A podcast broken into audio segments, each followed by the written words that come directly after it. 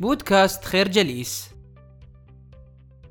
لابد من الإشارة أولا أن هناك اختلافا كبيرا بين علماء النفس في تحديد مراحل الطفولة بشكل دقيق غير أن هذا الاختلاف لا يمنعنا من التركيز على مدى التأثير البالغ الذي تحدثه وسائل الإعلام المختلفة في مراحل متباينة من نمو الأطفال.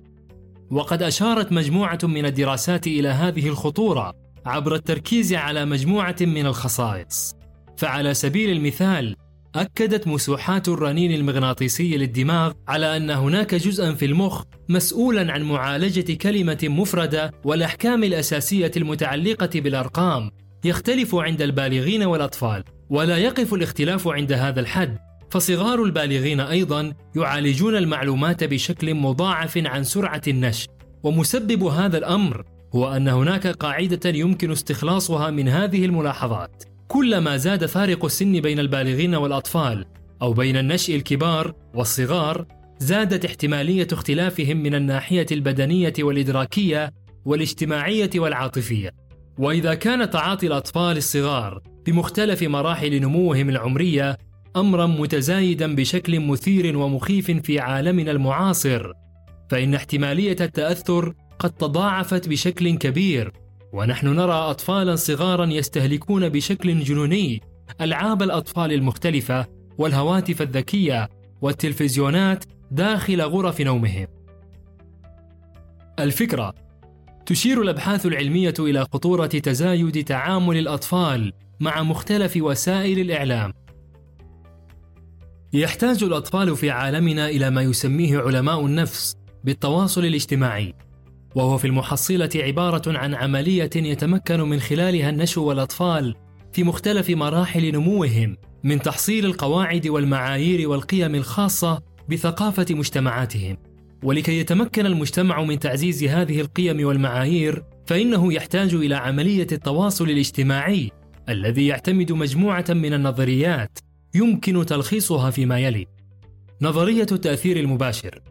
وتعني أن استخدام وسائل الإعلام يؤثر في الجميع بنفس الطريقة في الغالب أي أن وسائل الإعلام هنا تصبح مثل الحقنة تحت الجلد تضخ رسائلها داخل المستهلكين. نظرية انتقال الإثارة. أي بما أن الاستثارة الفسيولوجية تتبدد ببطء نسبيا فإن الاستثارة المتولدة عن حدث ما قد تتراكم على الاستثارة المتولدة من حدث لاحق. نظرية التثقيف.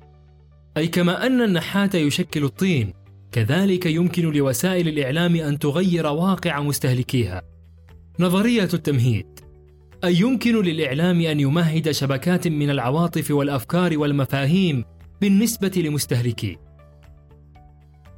الفكرة يحتاج النشء إلى عملية تواصلية تعتمد مجموعة من النظريات. في البدايات الأولى لعمليات التسويق التي كانت تقوم بها الشركات الكبرى، لم يكن الأطفال والمراهقون هدفا لإعلانات التلفزيون، لكن سرعان ما تغير الواقع، وأدرك الخبراء والمسوقون بأن عملياتهم التسويقية يمكنها أن تدر أرباحا كبيرة إذا ما استهدفت الأطفال والنشء.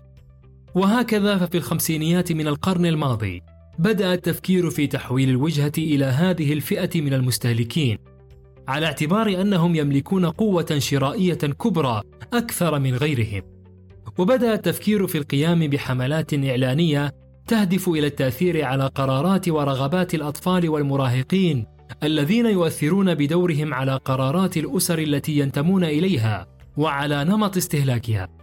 وقد كان هذا الأمر مبنيا بالأساس على قاعدة علمية متينة تصنف النشأ والأطفال على أنهم مستهلكون مؤثرون ومهمون في مشتريات الأسرة ولم يتوقف هذا التوجه لحدود اللحظة المعاصرة حيث تعمد الشركات الكبرى والمؤسسات التجارية من خلال استهداف النشء إلى ترسيخ مبدأ الولاء للعلامة التجارية بدءا من المرحلة الأولى للطفولة حتى البلوغ فمثلا في عام 2003 أرسلت شركة فورد لصناعة السيارات إلى المدارس التمهيدية ملصقات مجانية تشبه ملصقات الأبجدية تعرض نصائح للسلامة.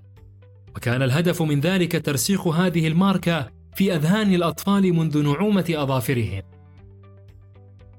الفكرة استهداف الشركات الكبرى للنشء ناتج عن اعتبارهم مستهلكين مؤثرين في قرارات الأسرة.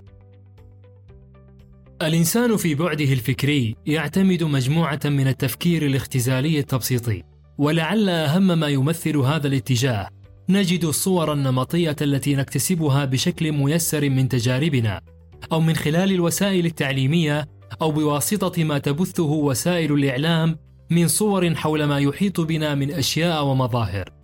ولكن ما هي هذه الصور النمطية؟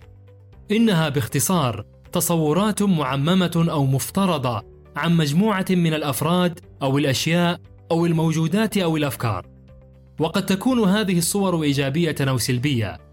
وتعتمد بشكل أساسي على التجربة وأيضا على مجموعة من السمات.